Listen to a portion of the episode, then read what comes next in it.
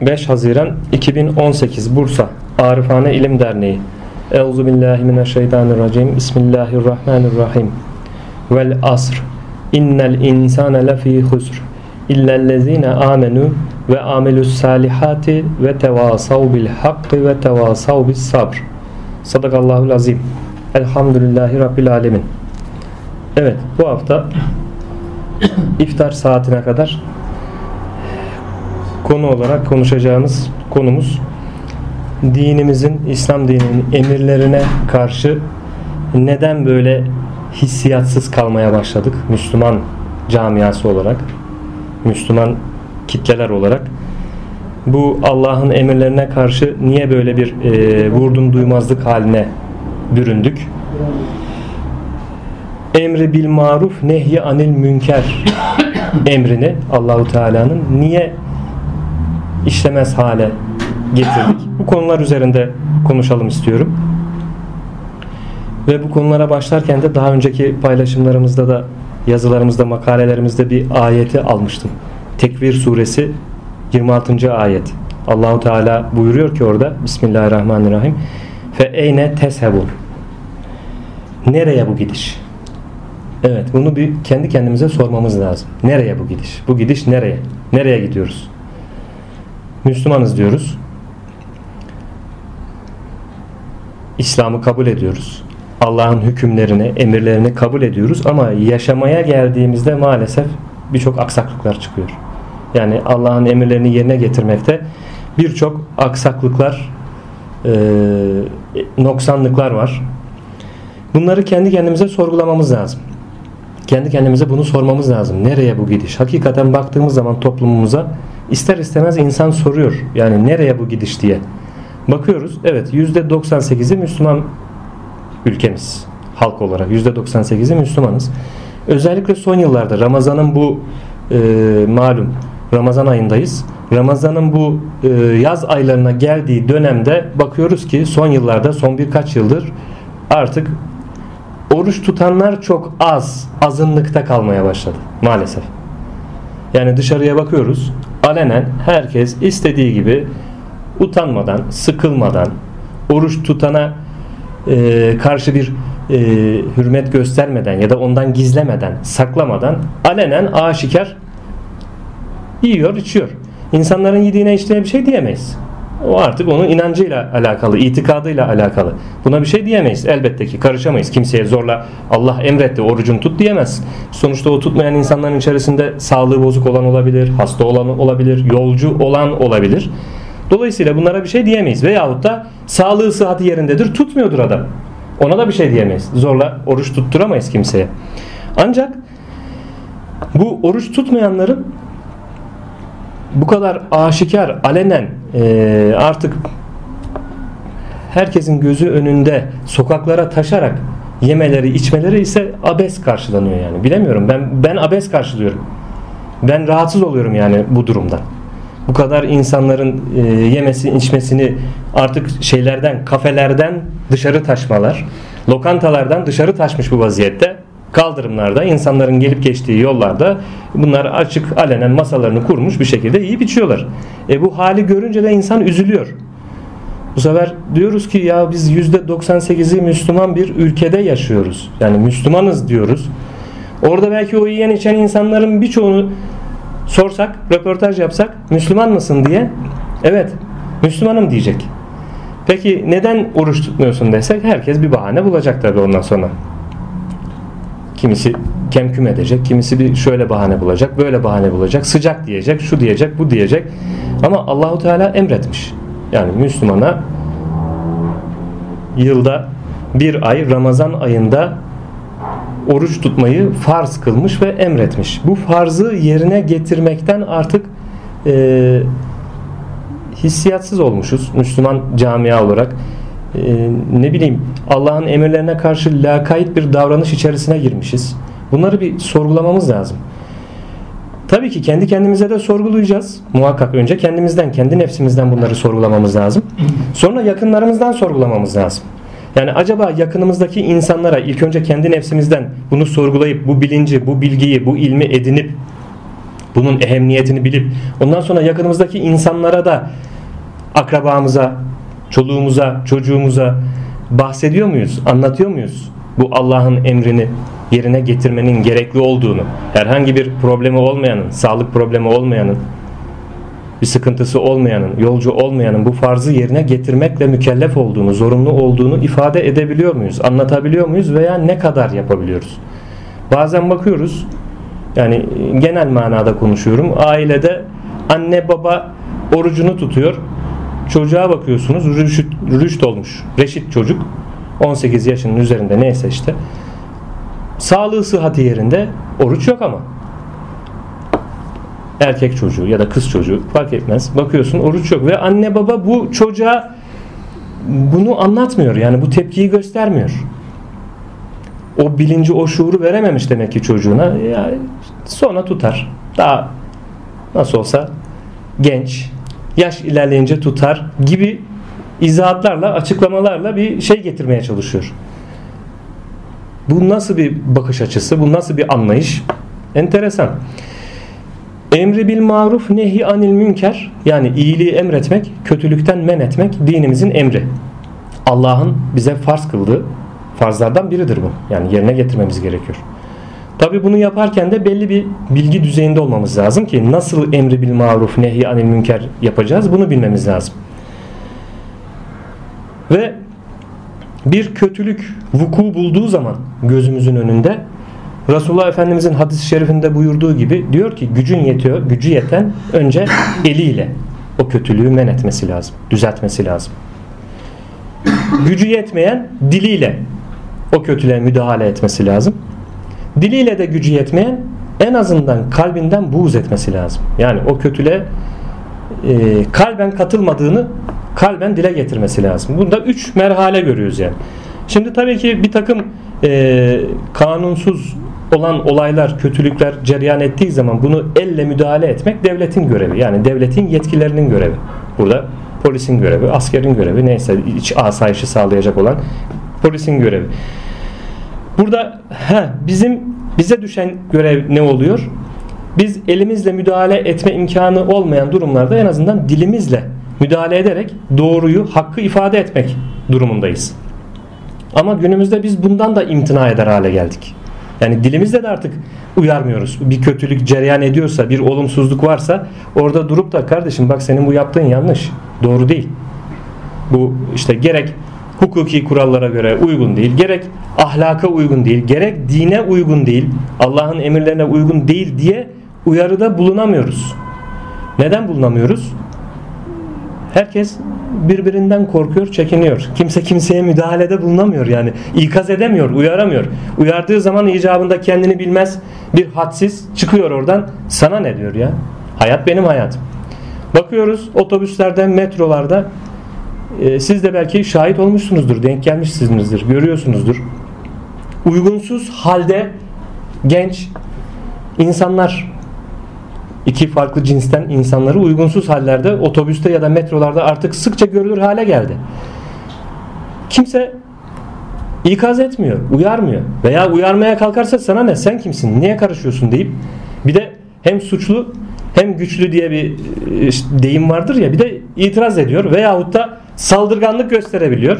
Bunlardan çekinen insanlar da bu sefer ses çıkarmıyor tabi. İyi de böyle sessiz kala kala kala nereye kadar sessiz kalacağız. Din elden gidecek. Yani ahlaki kurallar artık gittikçe bozulmaya başladı. Ahlak ahlak dediğimiz kuralların çoğu maalesef toplumumuzda artık uygulanmaz hale geldi. Ahlaksızlık uygulanır hale geldi yani. Peki buna ben karışmazsam, o karışmazsa, bu karışmazsa kim karışacak? Kim müdahale edecek? Bu bu gidişatı kim düzeltecek? O zaman ister istemez işte tekrar bu ayet Kur'an-ı Kerim'deki bu ayet tekrar aklımıza geliyor. Tekvir suresi 26. ayet. Nereye bu gidiş diye soruyoruz. Nereye bu gidiş? Ne olacak peki? Bu halimiz ne olacak toplum olarak? Nereye gidiyoruz? Burada e, tabii ki müdahalenin de bir e, usulü var, şartı var. Müdahale dediğimiz zaman ifrat ve tefrit dinimizde ifrat ve tefrit men edilmiş, yasaklanmış. Yani ifrat ve tefrit den kaçınmak gerekiyor. Müdahalenin de usulünün şartını bilmek lazım. Usulünce uygun bir dil ile uygun bir şekilde ikaz etmek lazım, uyarmak lazım. Dinimizin emrini yer, e, bu şekilde ifade etmek lazım. Tabii ki böyle bir e, agresif davranış içerisinde değil, saldırgan bir davranış içerisinde değil. Veyahut da ya işte e, bu adam dinin emrini burada çiğniyor, ediyor. Vay vurun, saldırın. Böyle bir şey yok. Dinimiz böyle bir şey emretmiyor. Bunu iyi bilelim, iyi anlayalım. Bu da yanlış. Bu da e, eğer böyle bir davranış sergilemek niyeti içerisinde olanlar varsa yanlıştalar. Böyle bir şey yok. Önce yumuşaklık ile. Ne diyor Allahu Teala ayeti kerimede Resulullah Efendimize hitaben? Sen eğer yumuşak olmasaydın onlar etrafında toplanmazlardı. Hepsi dağılırlardı diyor. Demek ki önce dinimizi yumuşaklıkla, güzellikle ifade etmek, anlatmak lazım. Tabii ki bunun da dereceleri var. Yumuşaklıktan, güzellikle ifade etmekten anlamayan haddi aşan, sınırı aşan olursa o zaman da onun da haddini bildirmek e, yetkililerin, görevlilerin işi. O şekilde de had bildirilmesi lazım. Bu konuda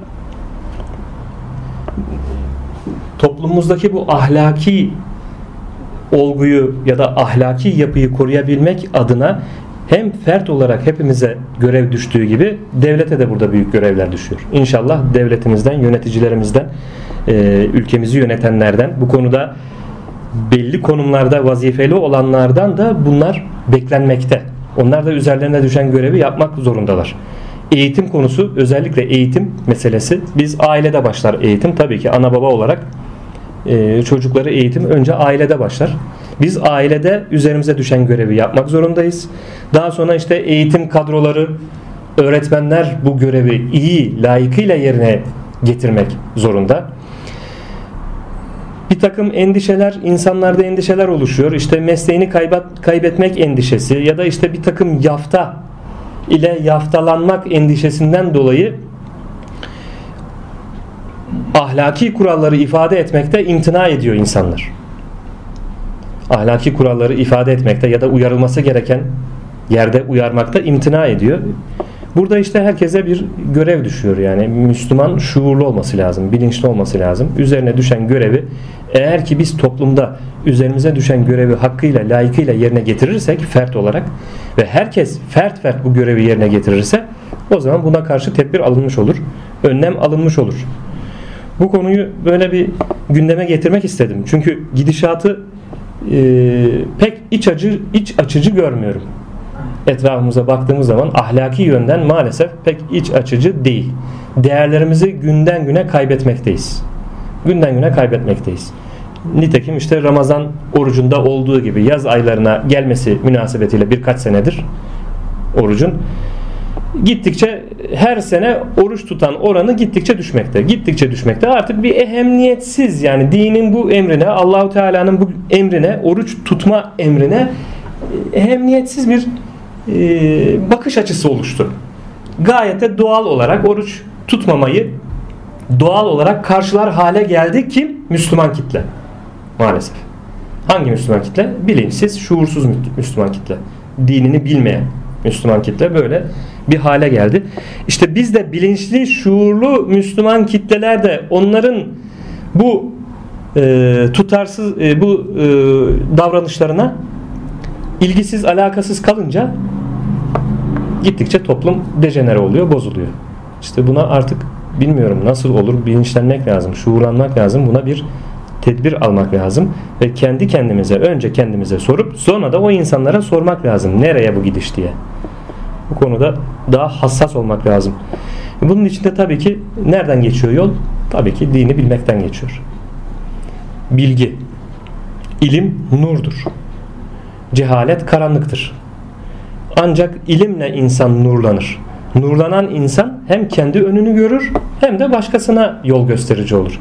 Onun için biz bu hakikatleri yani dinimizi bilmemiz lazım, öğrenmemiz lazım ki hem kendi nefsimize kendi nefsimiz adına e, nurlanalım hem de etrafımızdaki insanlara bu nurumuzdan faydalandırabilelim. Bu nuru yakabilelim. Etrafımızdaki insanlara da aşılayabilelim. Onların da bu nurdan faydalanması için gayret sarf edelim. Bu çabayı göstermemiz lazım. Yoksa hani e, bir deyim vardır. Her koyun kendi bacağından asılır diye. Bu Müslümanın kabul edeceği, kullanabileceği bir deyim değil. Çünkü her koyun kendi bacağından asılmıyor. Yani o koyunu orada asarlarsa o koktuğu zaman o leşin kokusu herkese zarar veriyor. Onun için e, bana dokunmayan yılan bin yaşasın deyimi bizim kullanabileceğimiz, Müslümanın kullanabileceği bir deyim değil.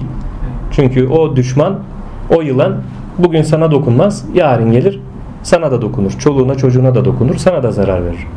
Onun için bu tedbiri almak lazım. Yani bir yerde yangın çıkarmak maksadıyla bir kıvılcım yakıldıysa o kıvılcım büyümeden söndürülmesi lazım ki o yangın büyümesin, her yeri sarmasın. Bunun için de tabii ki dediğimiz gibi ilim, ilim, ilim. Bilinçlenmek, şuurlanmak. Dinimizi doğru bir şekilde öğrenmek, bilmek ve yaşamak gerekiyor. Sadece bilmek de yetmiyor. Maalesef bu toplumumuzda bu yakındığımız kesimin birçoğu belki de bu bildik, bu anlattığımız meselelerin çoğunu biliyor. Sorsan evet biliyorum der. Biliyor ama uygulamaya geldiği zaman uygulama yok. İşte Muhittin İbn Arabi Hazretleri'nin bir sözü var. İlme güvenme diyor. İlmin var diye ilme güvenme. İlmi hayata geçiriyor musun? Yaşıyor musun? Hayata geçirilmeyen ilim sana hiçbir faydası yoktur. Yükten başka bir şey değildir. Sırtına aldığın yüktür. Boşuna o yükü alırsın, o yükün altında ezilir durursun. Eğer hayata geçiremiyorsan, yaşamıyorsan yani. Ancak ilim yaşandığı zaman insana fayda getirir. Yoksa sadece taşıyıcı yük yüklenmiş bir duruma düşmüş olur insan. Eğer o ilmi alıyor, alıyor, alıyor ve o ilmi hayata geçirmiyorsa. Bunun için bu ilimleri öğrenmek, bilmek, dinimizi tanımak ve hayata geçirmek gayreti içerisinde olmamız lazım. Dinin karışmadığı, sınırlarını belirlemediği, sınırlarını çizmediği hiçbir alan yoktur. Bazı insanlar diyor ya işte din işi ayrı, şu iş ayrı, bu iş ayrı. Hayır efendim öyle bir şey yok. Allahu Teala Kur'an-ı Kerim'de bizim hayatımızın her alanıyla alakalı izahatlarda bulunmuştur. Resulullah sallallahu aleyhi ve sellem Efendimiz bizim hayatımızın her alanıyla alakalı dinin hükümlerini belirtmiştir, ifade etmiştir. Çok affedersiniz, din tuvalette insanın taharetine kadar karışır. Nasıl yapacağını anlatır. Dinin karışmadığı hiçbir alan yok. Eğer bir insan iddia ediyorsa din bu konuya karışmaz diye o insan maalesef cahildir. Din her alana karışır. Allahu Teala Resulullah Efendimiz din e, yaşayış da insanın dünya hayatında yaşayışında her alanında ne şekil hareket etmesi gerektiğine dair izahatlarını yapmıştır. Gerek Kur'an-ı Kerim'deki ayetleriyle bunlar açık ve net bir şekilde ortadadır. Gerekse Resulullah Efendimizin hadis-i şerifleriyle ortadadır. O zaman biz dinimizi doğru anlamamız lazım. Doğru anlayıp doğru yaşamaya gayret etmemiz lazım. Bu düstur ile baktığımız zaman zaten her alanda bu sefer dinin din ne diyor burada? Yani burada Allah ne demiş ya da Allah Resulü ne demiş diye bakarsak hemen o sorunun çözümünü buluruz. Sorunun çözümünü bulmadığımız hiçbir alan yoktur yani. Eğer e, insaf ile dine bakacaksak, insaf ile doğru bir şekilde eğmeden, bükmeden doğru bir şekilde dine bakarsak din bize her karşılaştığımız sorunun çözümünü verir. Zaten böyle bir şey yani şu alan dinin dışındadır diyebileceğimiz bir alan düşünülemez. Neden düşünülemez? Ayette Allahu Teala buyuruyor diyor ki Bismillahirrahmanirrahim inne dine indallahul İslam. Allah katında din İslam'dır. Yani İslam Allah'ın kurmuş olduğu sistemin adıdır yani. Bütün bu kainatın işlediği sistemin adıdır İslam. Dolayısıyla siz bu İslam'ı nasıl bir şeyin dışında bırakabilirsiniz ki? Böyle bir şey mümkün değil. Bu sistemin adı İslam çünkü. Her ne varsa bu alemde işleyen bu sistemin adı İslam. Allahu Teala bu sisteme İslam ismini koymuş. Ve her gelen peygamber İslam'ı anlatmış. Hazreti Adem'den en son gelen Resulullah sallallahu aleyhi ve sellem Efendimiz'e kadar bütün peygamberler İslam nedir? Allah'ın İslam dediği sistemin işleyişi nedir? Mekanizması nedir? Emirleri nedir? Nehileri nedir? Hep bunları anlatmış. Ha peygamberler arasında şeriatlarda değişiklikler olmuş. O ayrı bir mevzu. Her peygamberin, Resulün öyle diyelim her Resul'e ayrı bir şeriat indirmiş Allahu Teala. Dolayısıyla şeriatlarda değişiklikler olmuş. Ama en son gelen Resulullah Efendimiz ile en son şeriat belirlenmiş. İşte şeriat sistem. Bu sistemin e, işleyişi, Allah'ın emirleri ve nehileri. Bu belirlenmiş ve artık en son baki olan budur kıyamete kadar. Bu sistem üzere işleyecektir. İşte biz de dinimizi doğru anlamak, doğru bilmek ve doğru yaşamakla mükellefiz. İnşallah bunları layıkıyla yerine getirdiğimiz oranda e, hayatımızda e, her alanda güzelleşme olduğunu, her alanda e, ferah bir müreffeh bir hayat yaşadığımızı görürüz. Ne kadar bu emirlerden uzak kalırsak o kadar yanlış yollara sapmış oluruz, çıkmaz yollara girmiş oluruz. Bunu da bu şekilde bilmemiz lazım. Bu şekilde anlamamız lazım diyorum. Bunun için de tabii ki dinimizi öğrenmemiz lazım. Kur'an-ı Kerim'i öğrenmemiz lazım. Allahu Teala bize ne diyor? Ne anlatmış? Ne söylemiş? Ne emretmiş? Neden nehyetmiş? Bunları bilmek için de sadece meal okumak yeterli değil. Meal biraz daha kısıtlı kalıyor. Yani meal okuduğumuz zaman oradaki ayetin tam mahiyetini, anlamını anlayamayabiliriz. Onun için tefsir okumayı tavsiye ediyoruz. Tabi meal de okunsun. Meal okumaktan men etmiyoruz. Ama tefsir tefsir okuduğumuz zaman Kur'an'ı ne demek istediğini daha net bir şekilde anlayabiliriz. Birçok tefsir alimleri Kur'an'da Kur'an'ı anlatır nitelikte tefsirler yazmıştır. Herkesin ilgi alanına göre tabii ki tefsirler vardır. Ya kişinin tasavvufla ilgi alanı varsa tasavvufi yöndeki tefsirlere meyleder. Onlara bakar. Daha derin manaları idrak edeyim düşüncesindeyse. Diğer taraftan normal bir şekilde ifade edilecek şeyleri anlamak gayretindeyse daha normal halkın anlayabileceği nitelikteki tefsirler de mevcuttur. Onun için biz önce Kur'an'ı anlamamız lazım.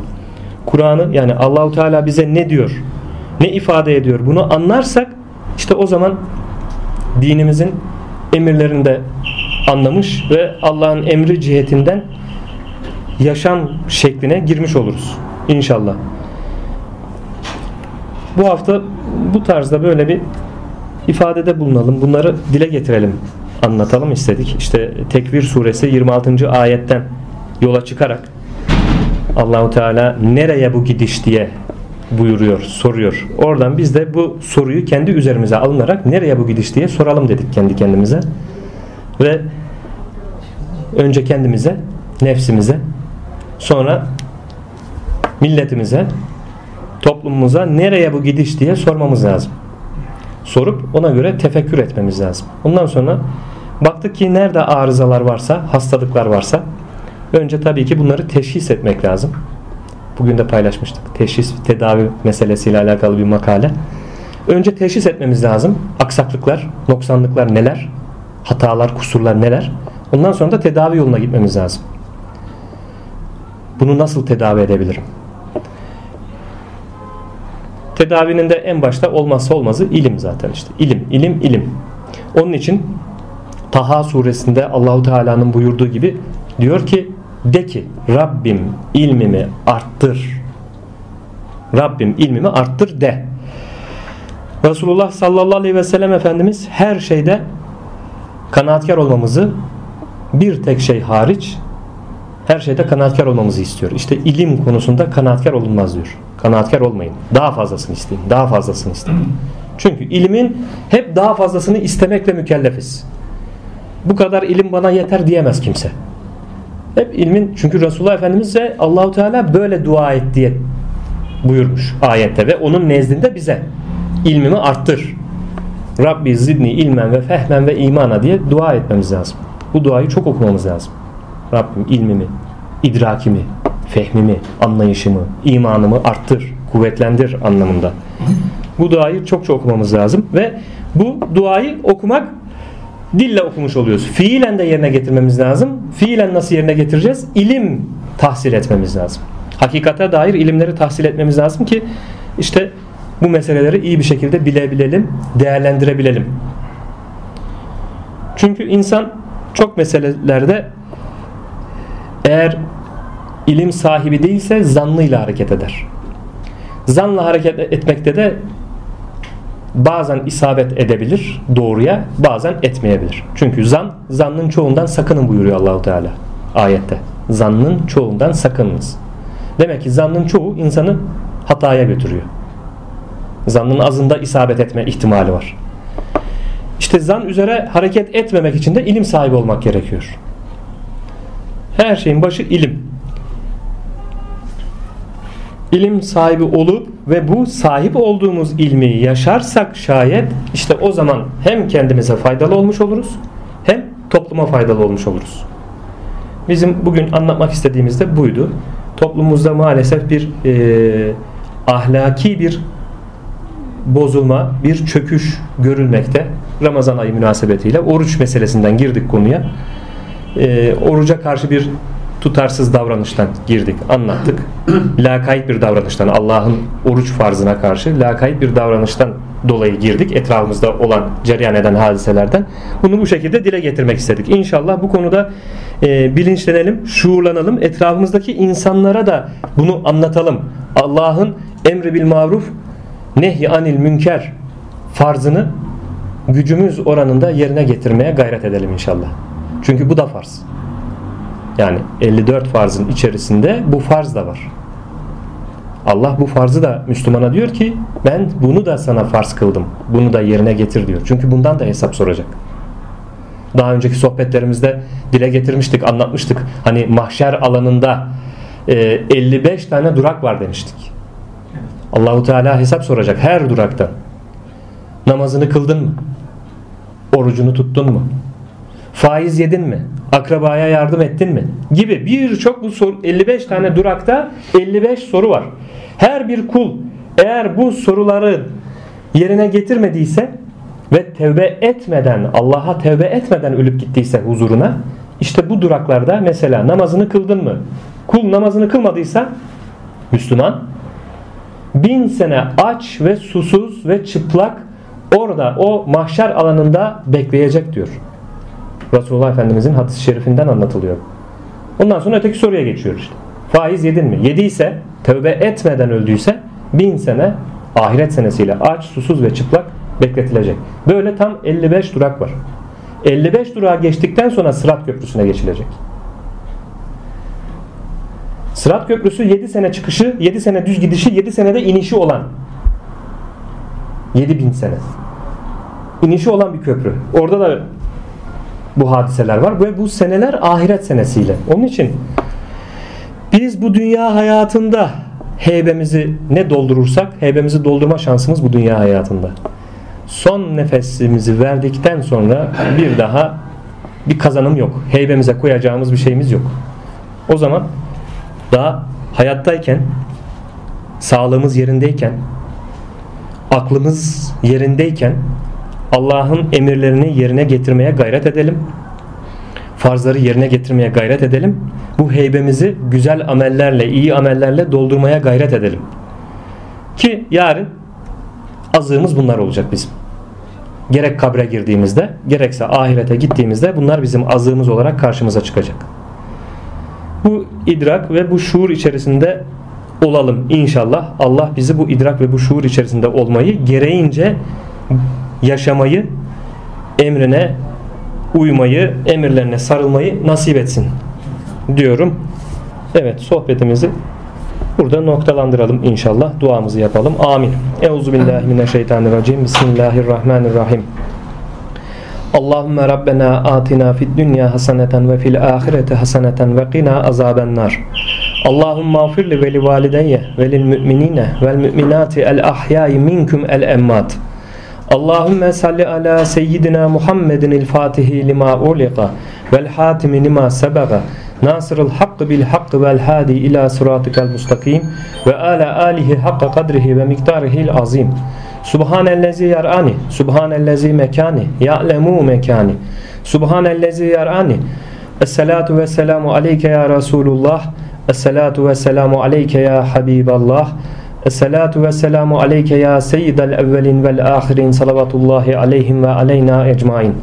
Subhane rabbike rabbil izzeti amma yasifun ve selamun alel murselin velhamdülillahi rabbil alemin. El Fatiha.